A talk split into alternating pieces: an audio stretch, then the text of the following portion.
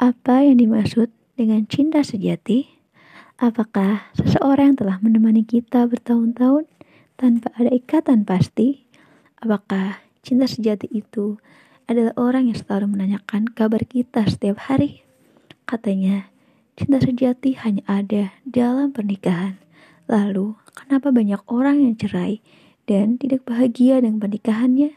Kebahagiaan sejati hanya bisa diraih saat kita berusaha meraih keriduannya.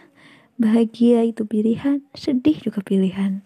Saat kita punya kecenderungan dengan seseorang, pasti kita punya hasrat untuk bisa bersama dengannya.